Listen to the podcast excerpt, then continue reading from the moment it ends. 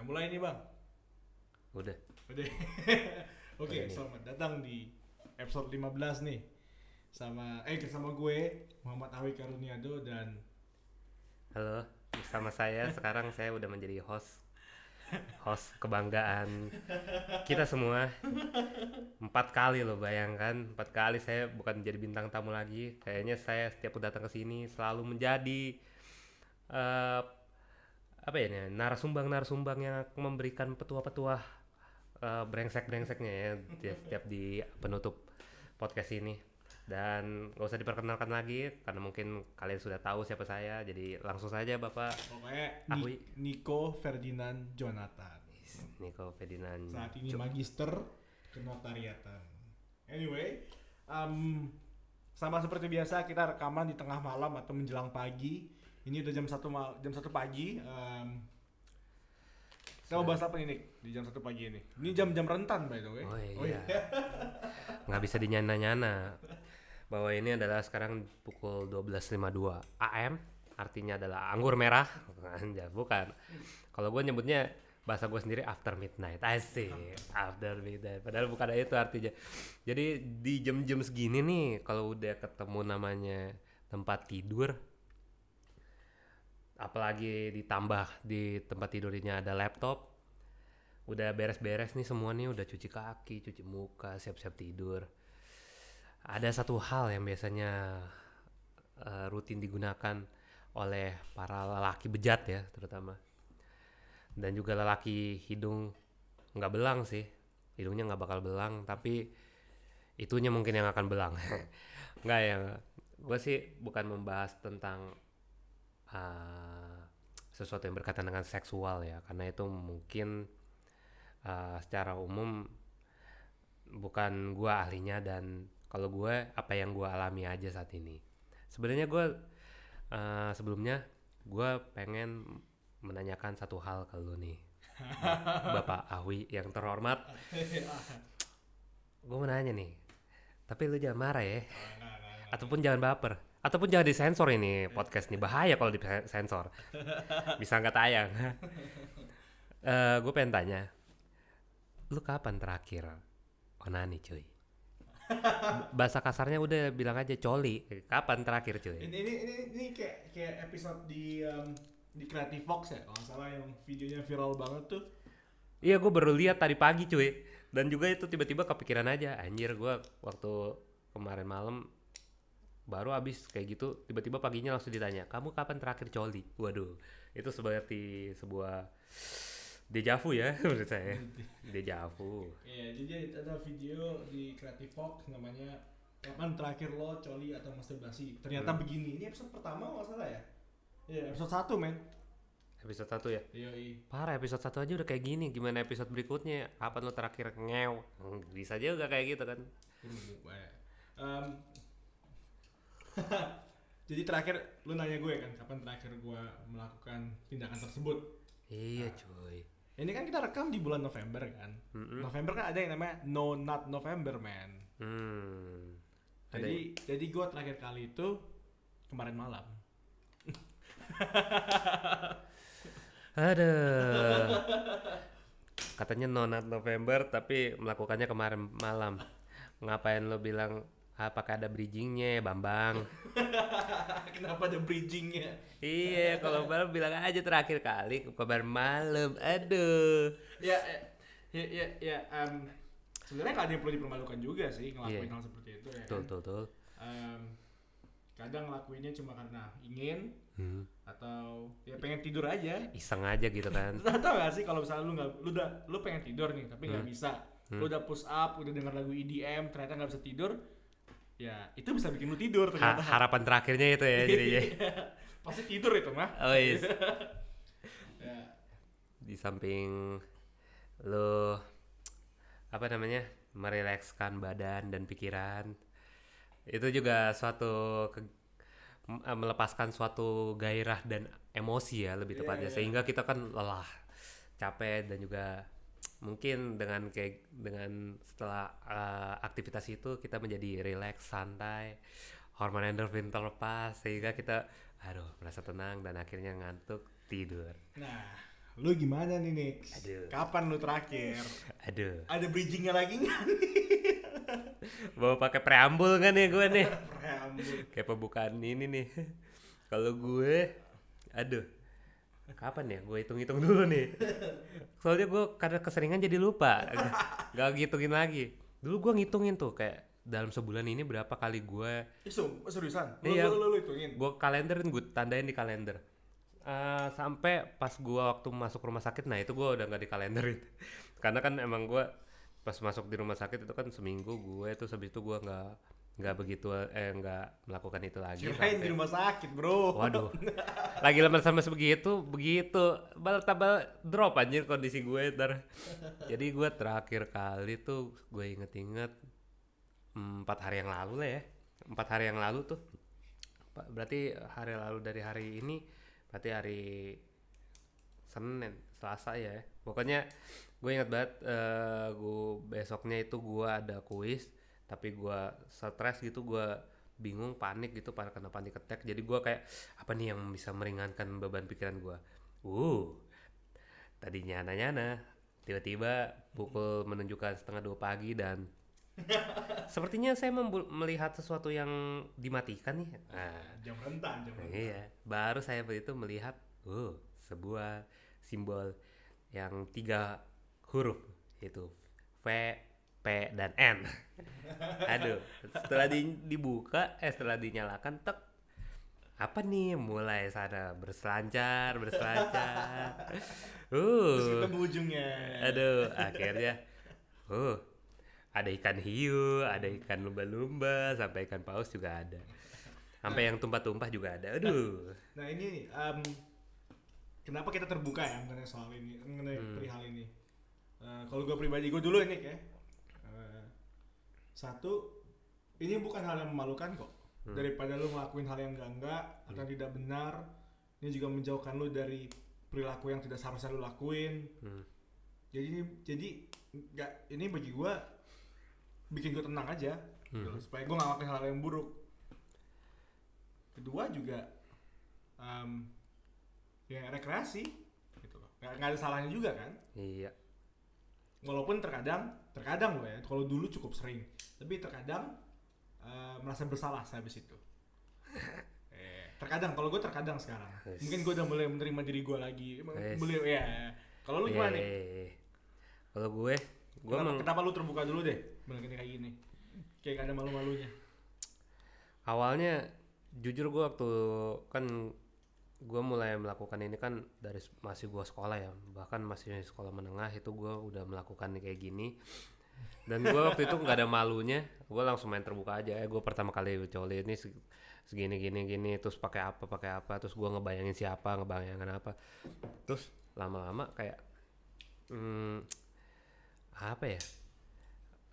Ada fase di mana lu kayak anjir malu lah gue kalau misalkan gue cerita ke teman-teman gue soal coli mulu gitu Iya, kan. iya, iya. kayaknya ibarat hidup gue mesum habis gitu. Tapi mulai saat ini apalagi sekarang kan di umur gue yang udah masuk seperempat abad ini kan juga ya nggak mungkin dong teman-teman gue udah melihat teman-teman gue udah pada menikah udah pada kawin gitu kan. Udah pada punya anak. Berarti kan dalam tanda kutip mereka sudah berhubungan gitu kan.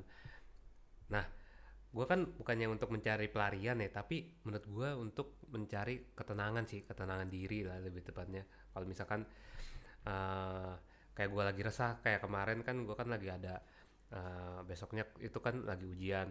Nah gue bingung mau ngapain lagi karena ujian tinggal besok dan gue bahan masih cukup banyak yang belum gue pelajarin akhirnya gue mencari ketenangan. Apa itu mencari ketenangannya supaya gue nggak panik? Emang di dalam pikiran gue gue berusaha untuk menenangkan diri tetapi ya kembali lagi setelah itu ya emang sih banyak alternatif atau pilihan tapi menurut gue yang bisa mengerti diri lu kan diri lu sendiri ya. Ya bagi gue ya waktu itu yang bisa menangkan gue cuman itu ya ya itu gitu. Kembali terlepas dari itu perbuatan baik atau buruk itu sih menurut gue ya kembali lagi ke orangnya. Menganggapnya seperti apa? Jujur aja kayak gue emang gue menganggap kayak porn itu emang ya kalau misalkan menyangkut ke agama ya pasti dosa. Dan Ya, juga menyang- Benar, benar. menyangkut ke ini bukan masalah masturbasi atau onannya doang ya. Tapi kita juga menyangkut pemicunya. Pasti kan lu kan nggak mungkin dong kayak lu coli gitu. Nggak ada bayangan tiba-tiba lu kayak mencret mencret udah gitu kan. Hmm. pasti kan ada pemicunya kalau kalau gua apalagi gue gitu kan. Gua udah eh, udah umur segini eh, dalam tanda kutip gue juga masih cowok yang normal gitu kan lelaki yang normal pasti kan juga membutuhkan eh, suatu penyaluran hasrat ya? iya penjelasan Birahi. wajar itu wajar. Tapi kan gua kan belum ada nih dan juga gua juga nggak bakal kayak gitu sebelum ya gue menikah gitu kan kecuali kalau gue udah menikah. Dan good good that's good.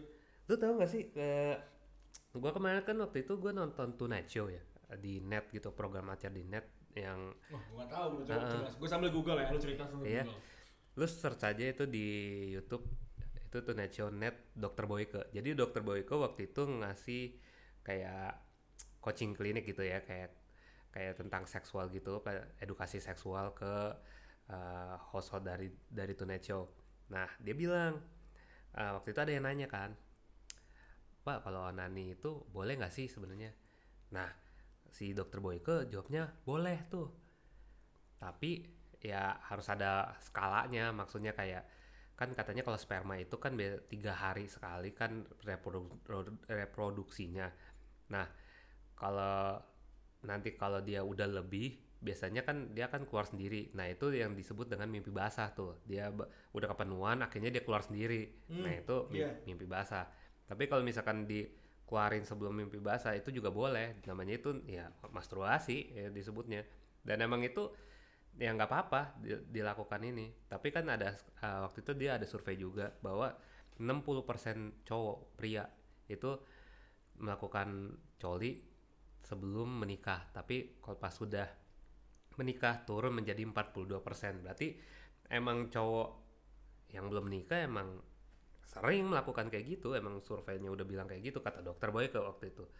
Jadi menurut gue emang kalau coli itu ya kembali kembali lagi ke, ke individunya masing-masing apakah itu menjadi sebuah kebutuhan atau tidak. Ya jujur kalau buat gue ya sekarang ya gue jadi ke sebuah kebutuhan coy. Gitu terlepas dari yang pemicunya seperti porn ya. Hmm. gimana menurut anda? Ya sebenarnya ini, ini juga sih yang yang saya sesalin ya. Sedikit sedikit eh, Curhat opini- nih. opini ya dan saya opini pribadi. Di negara kita edukasi seksual itu diasosiasikan dengan hal yang memalukan tabu dan sebaiknya tidak dibahas. Hmm, padahal kan em, penting itu cuy. penting banget men. Kita Hmm. kalau kita nggak tahu edukasi seksual paling buruk adalah lu akan melahirkan orang gitu akan membuat anak hmm, dan itu artinya lu ngebawa satu nyawa lagi ke dunia ini ya dan kalau lu nggak tahu edukasi seksual lu nggak paham ini itu itu anak yang seharusnya ditanggung jawab dan yang jadi- seharusnya jadi tanggung jawab lu Hmm. lu biarin aja gitu Hmm. lu lu secara nggak langsung udah ngebunuh satu nyawa Hmm. atau lu melahirkan satu nyawa tanpa rencana yang baik makanya kalau gue bilang seenggak-enggaknya kan otodidak buat belajar mengenai hal-hal seksual tersebut Hmm. Gitu. iya Nah, kayak iya. Kayak gue kayak gue dan lo gitu kan. Kita ngomongin soal ya coli masturbasi ya kita udah tahu gitu bahwa ini tidak merugikan siapa pun kecuali kita sendiri. Dan kita juga eh, mudah-mudahan sudah memfilter apa yang kita pikirkan sehingga kita juga nggak nggak maksudnya ketika kita ngomong gini gue takutnya eh, misalkan ada wanita gitu ngedengar omongan kita kayak gini tiba-tiba anjir takutnya si Niko kenapa-napa nih tenang kita juga udah membatasi lah udah memfilter gitu menyaring bahwa mana-mana yang yang mesti kita lakukan dan juga Hmm. mana-mana yang Iya. nggak boleh kita lakukan kayak gitu dan juga gue juga udah berpikir sih bahwa emang ya porn itu eh bukan porn sih maksudnya ketika gua onani gitu ya udah angin lalu aja jadi kayak bukannya sebagai suatu eh, gimana ya suatu penyesalan ataupun juga gimana gitu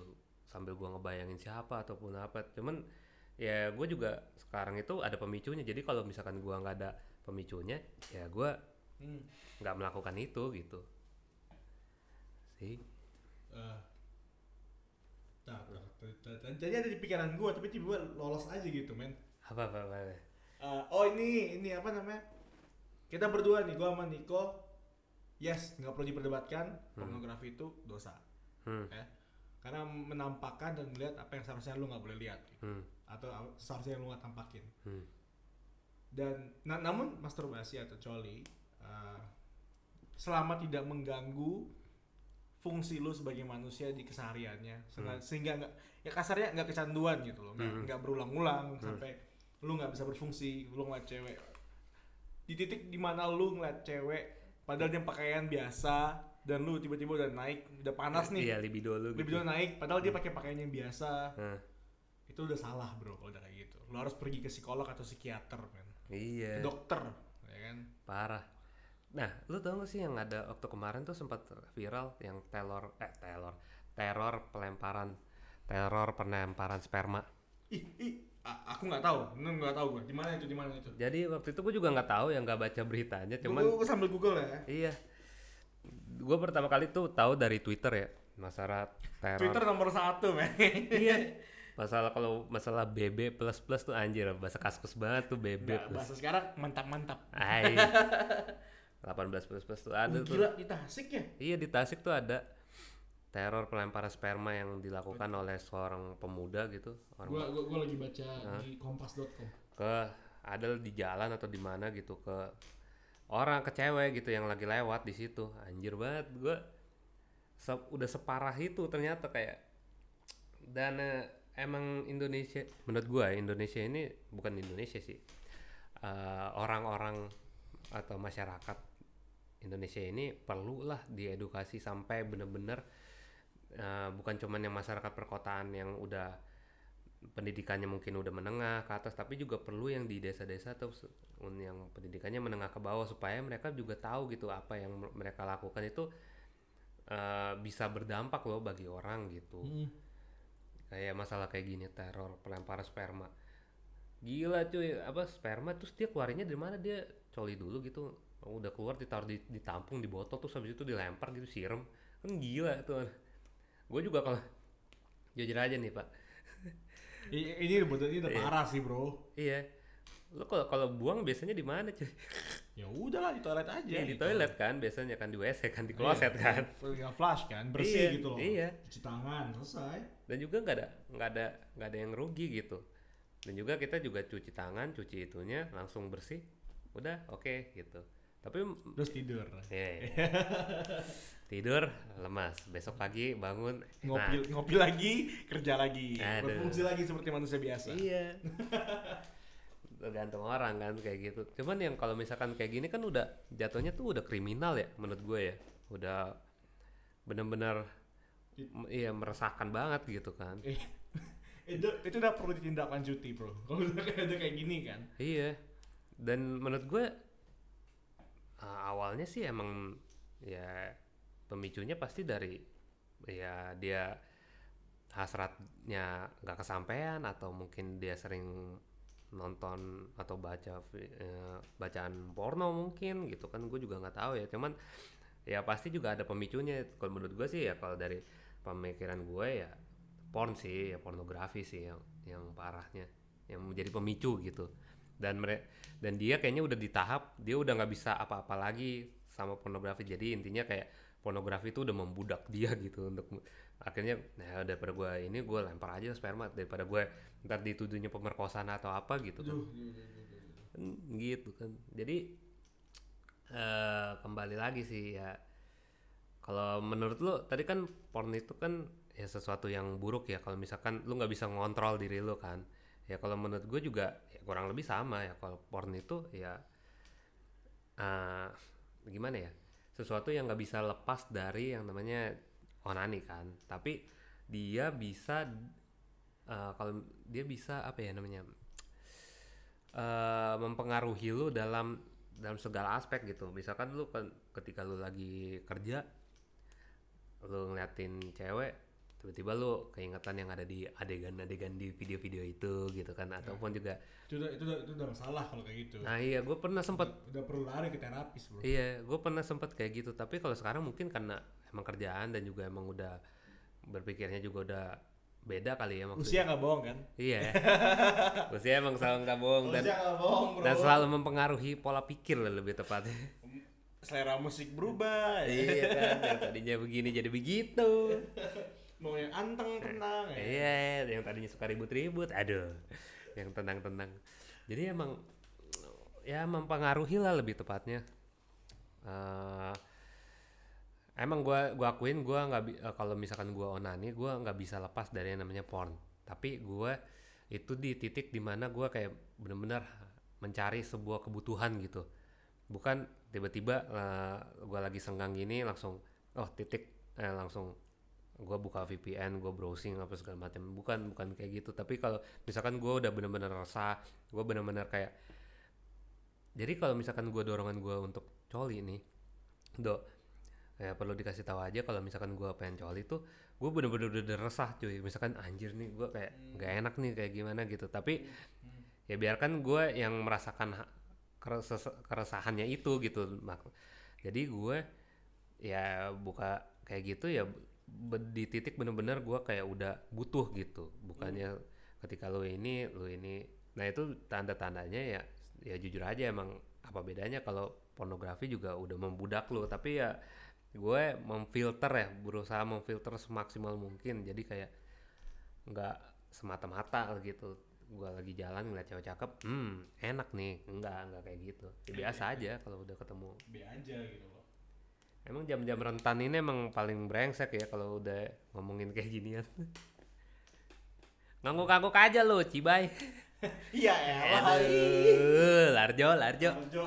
ngopi Ya. dulu ngopi dulu. Karena kalau ngomongin gini itu serba salah gitu.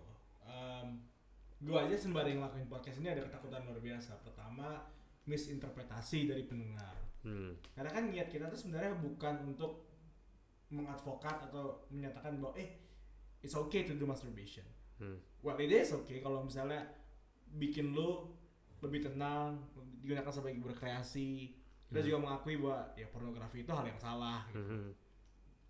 Satu sisi juga karena ketakutan ini banyak orang akhirnya nggak nggak membuka suara membahas mengenai edukasi seksual kan Ya. jadi ya banyak banget anak-anak yang keluar tanpa ya, penanganan yang tepat Heh ketawa lo iya. Kenapa? Eh, serba salah coy. Lucunya serba salah ya. Jadi kalau menurut gue kita gini deh kita sepakatin bahwa satu ya porn itu emang salah gitu. Oh jelas itu jelas, jelas. hal yang sebenarnya nggak boleh dilakukan. Meskipun juga berdampak kalau misalkan lo sedang masturbasi. Tapi gue eh, kalau dari gue ya masturbasi adalah sebuah kebutuhan gitu. Kebutuhan seksual ya. Nah di sini lah yang kita harus ubah pola mindset kita ya Eh, kalau lo pengen masturbasi ya silahkan kalaupun enggak juga ya silahkan gitu. Tapi ya ada survei juga gitu dari suatu penelitian ya setiap orang yang sudah dewasa ini ya rata-rata udah pernah melakukan itu udah pernah melakukan masturbasi meskipun juga dia cuman sekedar ya gosok-gosok keluar gitu kan gosok-gosok keluar lampu jin Aladin gitu kan ataupun apa gitu kan kasih tiga harapanmu kawan Iya. Enak, geli, basah. Apa itu? Mantap, mantap. Aduh, tetet tetet. Jadi apa nih? eh, tadi gue ngomong apa ya men ah lupa jangan dilepas lagi pikiran gue bro Aduh, kenapa nih? Kebanyakan lepas nih. lepas deh Aduh, udah lepasin aja apa nih? lepasin aku bang. Aduh. aduh Bukan, bukan, bukan, bukan kayak gitu ya. apa ya apa ya apa ya Aduh, apa bentar. apa ya tadi aduh coba di lu ceramah dulu di gue pasti keluar tuh di pikiran Iya, kalau di gue apa ya?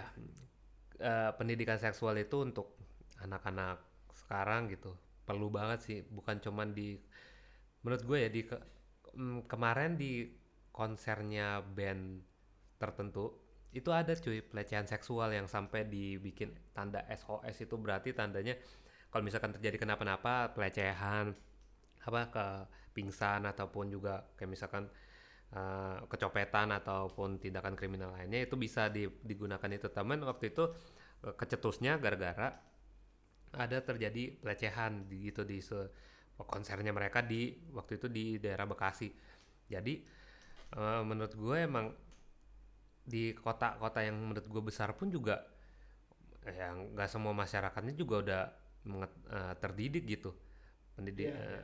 bukan terdidik sih sebenarnya mereka udah terdidik tapi mereka sendiri pun nggak yang nggak sadar gitu melakukan itu jadi mereka tuh udah tahu sebenarnya itu salah tapi mereka masih melakukan nah kalau kayak gitu ya susah juga dong kalau misalkan Hmm. Mereka apa ya, mereka udah dididik udah tahu udah dibekalin tapi mereka masih melakukan. Kan itu namanya bebal ya. Nah kalau kalau gue sih ya kalau yang kayak gitu ya udah tugasnya udah aparat keamanan yang buat ya berarti kan dia kan emang udah bebal udah batu ya pengennya tindak kriminal ya, ya Iya. udah melawan hukum Iya. bro. Ya udah melawan hukum publik ya silakan diproses secara pidana. Kalau kalau gue sih gitu. Itu namanya kan udah pemerkosaan pelecehan seksual gitu atau sekedar yang lu di jalan gitu. Kalau lu sering lihat ya kalau misalkan cewek cakep jalan. Suka ada catcalling kan. Piwit cewek Nah, gitu. Manis. iya godain dong gitu kan. Abang ganteng nih gitu. Ya itu juga udah menurut gue udah suatu pelecehan cuy. Udah ya cewek jalan itu haknya dia. Kenapa lu panggil-panggil suruh Goda Iya, lu, gitu. iya. Padahal dia kan cuma jalan. Makanya juga kan banyak juga tuh ya dari mm, orang masyarakat gitu atau kelompok yang biasanya sih kelompok feminis tuh yang kayak gitu. Eh, apa sih namanya? Mm, menolak lah ya untuk eh, pemanggilan catcalling kayak gitu. Cuman kalau misalkan untuk teman gitu yang udah kenal, misalkan kayak waktu kemarin nih ada contoh kasus eh, temen gue makan sendiri, ya, terus gue lagi lewat, terus habis itu gue weh sendirian aja nih, gitu. Kalau kalau kayak gitu kan, gue menanyakan dong maksudnya kenapa dia sendiri gitu, bukannya biasanya kan dia kan sama orang sama apa. Itu untuk kasus yang orang yang udah dikenal. Kalau orang udah dikenal Hmm. bukan berarti juga emang boleh catcalling enggak tapi kalau misalkan eh, orang dikenal kan pasti kan ada tujuan tertentu gitu kan. Ada maksud tertentu di balik omongan. Kayak misalkan tumben nih sendirian aja. Ke mana nih? Gitu-gitu. Kalau kayak gitu kan normal wajar gitu. Menanyakan kabar kalau kayak gitu kan tapi kalau misalkan lu nggak kenal terus weh sendirian aja nih neng sendirian aja kayak gitu kan itu beda ya beda beda konotasi lah Iya, gitu nih itu itu udah bikin orang risih dan gak nyaman. Heeh. Kalau kalau gue sih gitu. Jadi emang eh, selain edukasi ya pemikiran masyarakatnya sendiri sih yang perlu direkonstruksi lebih tepatnya. Nah, ini nih baru kepikiran Dindik tadi nih. Apa nih lu dari Nah, tadi? iya, baru kepikiran nih. Pantes lu dari tadi diem diem. Gue pikir lu nan boker anjir. Apa jangan-jangan udah ngaceng lu? Nah, Ayo apa apa ini? Jangan sampai lepas aja. Oh. ini kita udah 20 menit nih bicara nih. Akhirnya gue sadar em, orang-orang yang menyandang gelar seksolog atau orang-orang yang secara vokal Hmm. me- mengajarkan edukasi seksual itu patut diapresiasi men karena Hmm. berarti dia mencoba untuk mentackle paradigma-paradigma buruk atau stigma-stigma buruk mengenai edukasi seksual Hmm. yang memalukan, yang tabu, yang harusnya nggak diucapkan, nggak harus disuarakan, akhirnya disuarakan se- sehingga orang mengerti atau seenggaknya ada orang-orang yang akhirnya mengerti walaupun belum semua ya, belum Iya semua. iya. Itu tuh. Kedua juga ini concern gue baru gue sadar men. Hmm. Capek-capek dibikin blog pemblokiran mengenai website-website pornografi kan. Hmm. Ujung-ujungnya yang bikin feel ujung-ujungnya blokiran-blokiran itu bisa kita Tembus. tembuskan dengan VPN gitu loh. Nah. Apalagi kalau pakai VPN premium kan. Oh. Parah banget tuh men. Luar, biasa. bable. Iya, parah parah. Itu cuma berapa puluh ribu doang sebulan. Mhm. Jadinya sebenarnya ujung-ujungnya filter terkuat adalah diri sendiri gitu loh Hmm. kayak should I do this, should I not do this. Hmm. Jadi da- daripada kita memblokir orang-orang untuk mengakses konten-konten seperti itu, lebih baik kita mendewasakan orang-orang untuk Hmm. menjadi filter sendiri. Hmm. Nah, jadi itu edukasi seksual itu sangat penting Hmm. dan akhirnya orang-orang yang vokal itu patut diapresiasi itu. Bagi gue itu sih, bukan menutup opsi orang, tapi mendewasakan orang untuk memilih opsi yang paling baik. Bagi gue itu sih. Dan emang tepat apa yang lo bilang. Ya, kalau menurut gue ya pengajaran yang paling baik itu bukan menyuruh orang untuk melakukan sesuatu, Iya. tapi memberikan pilihan ke orang bahwa ini lo yang baik, ini lo yang nggak baik gitu. Bukan ini lo yang buruk, tapi ini lo yang nggak baik gitu. Jadi dia mem- memilih gitu mana yang paling baik atau tidak. Ketika lu salah langkah gitu, ya udah itu tanggung jawab dia dan juga ya kalau misalkan dia belajar gitu oke gua udah belajar nih memilih yang nggak baik jadi gue pengen memilih yang baik aja. Tapi yang nggak baik juga harus dipilih eh, di, di disadarkan juga gitu maksudnya pilihan yang gak baik nih konsekuensinya begini gini gini. Ya akhirnya lu juga oh oke jadinya gua berpikir bahwa janganlah gua ngelakuin itu kalau misalkan itu emang nggak nggak baik buat gue atau buat tubuh gue buat orang lain yang penting gitu kan. Yang penting kan kita kan dalam kita berpi- bersosial gitu kan kehidupan bersosial. Yang penting kan kita bagaimana kita bisa berdampak baik ya terutama untuk masyarakat kan. Bukan berdampak yang tidak baik gitu. Ya itu pilihan sih ente mau kayak gimana ya terserah ente gitu. Tapi ya setidaknya kita udah kasih pilihan loh bahwa porn itu emang salah eh, bukan salah porn itu yang nggak baik. Dan coli ya atau masturbasi ya ya pilihan lo ya lo mau bilang itu baik atau tidak ya itu keputusan ada di lo gitu. Tapi ya kita di sini untuk menjelaskan kepada apa ya pendengar ya terutama ya bahwa seksual pendidikan seksual terutama gitu itu sangat penting sih. Bukan cuman dari sedini mungkin tapi ketika lu udah sadar lu bisa nggak mempertanggungjawabkan apa yang lu udah tahu gitu. Terutama kalau misalkan ya gue tahu lu lagi jomblo gitu. Tapi lu ketika lu cewek cakep di jalan lewat lu catcalling gitu kan itu kan udah nggak bener. Ja- jatuhnya konotasinya bahwa lu bukannya kayak gua dong. Contohnya anjir banget ya. Kayak gue gue walaupun jomblo tapi gue tetap aja tuh kalau ketemu cewek biasa. Ya biasa cewek cakep ya biasa aja cool aja santai aja. Bahkan kita juga hmm, apa ya membahasnya bukan tentang masalah itu. Karena emang konotasinya kehidupan ini bukan cuman soal seks gitu emang emang kita tahu bahwa seks itu kebutuhan tapi ada kebutuhan lain selain kebutuhan seks gitu Iya, terutama untuk anak milenial kayak kita Ayo, ya iya. finansial dong. oh iya jelas kan ekonomi itu suatu keharusan Itu cuy narasi yang penting itu. iya mau makan apa kita kalau nggak pakai duit cuy Iya. Itu Nah, lu sadar kan dari awal kita bicara mengenai masturbasi, onani, pengalaman pribadi, ujung-ujungnya jadi edukasi, Bro. ayo eh. Karena itu emang concern kita yang paling dalam. Hmm. Eh, lebih tepatnya kita juga pengen lah ya kasih tahu ke pendengar bahwa masalah seks ini adalah masalah kita bersama juga gitu. Jadi ketika Iya, bukan salah pemerintah aja atau Heeh. salah rakyat doang yang nggak benar, bukan. Itu salah bersama udah gitu loh. ketika ada melakukan pelecehan gitu, ada melakukan pelecehan ataupun ada yang tindakan apa gitu, ketika lu melihat hal itu ya lu langsung responsnya dengan kalau bisa ya lu lihat dulu situasinya apa yang terjadi, jangan main main hakim sendiri itu berbahaya. Tapi lu lihat dulu si yang si korbannya ini kan pasti kan di dalam suatu tindak pidana kan ada korban ada tersangka kan. Di korbannya ini yang menjadi du- praduga korban ini apakah dia benar-benar membutuhkan pertolongan atau tidak? Kalau dia tidak membutuhkan pertolongan ya udah gitu. Ki- kita melihat aja gitu kejadiannya. Tapi kalau misalkan korbannya sampai udah sampai minta tolong dan kita diem aja nah baru kita juga salah itu. Kalau me- menurut gua ya kita juga sama-sama eh, cover lah ya saling cover saling saling menjaga gitu satu satu dengan yang lain. Terutama kalau misalkan eh, ada di tempat keramaian gitu. Contohnya kayak kalau gua nonton konser. Nonton konser kan kita juga nggak tahu ya. Ada yang udah mabok kan ada yang lagi nyimeng ada yang lagi apa kan ngelem gitu kan. Udah nggak sadar totalnya plak aja. Eh, megang-megang nge- ngegerayangin terus habis itu dicolek-colek apa segala macam kalau si korban yang nggak sadar ya kita kasih tahu aja nanti pas udah udah akhir itu. Tapi ya bukan berarti membiarkan si pelaku lolos bukan. Kecuali kalau udah sampai udah ke tahap ya dia hanya sampai nangis si korbannya sampai nangis minta tolong ngejerit. Baru kita di situ bertindak bahwa apa yang di ditindak pelaku ini udah kriminal cuy. Jadi seks itu adalah concern kita bersama. Permasalahan seksual juga adalah menjadi tanggung jawab kita bersama.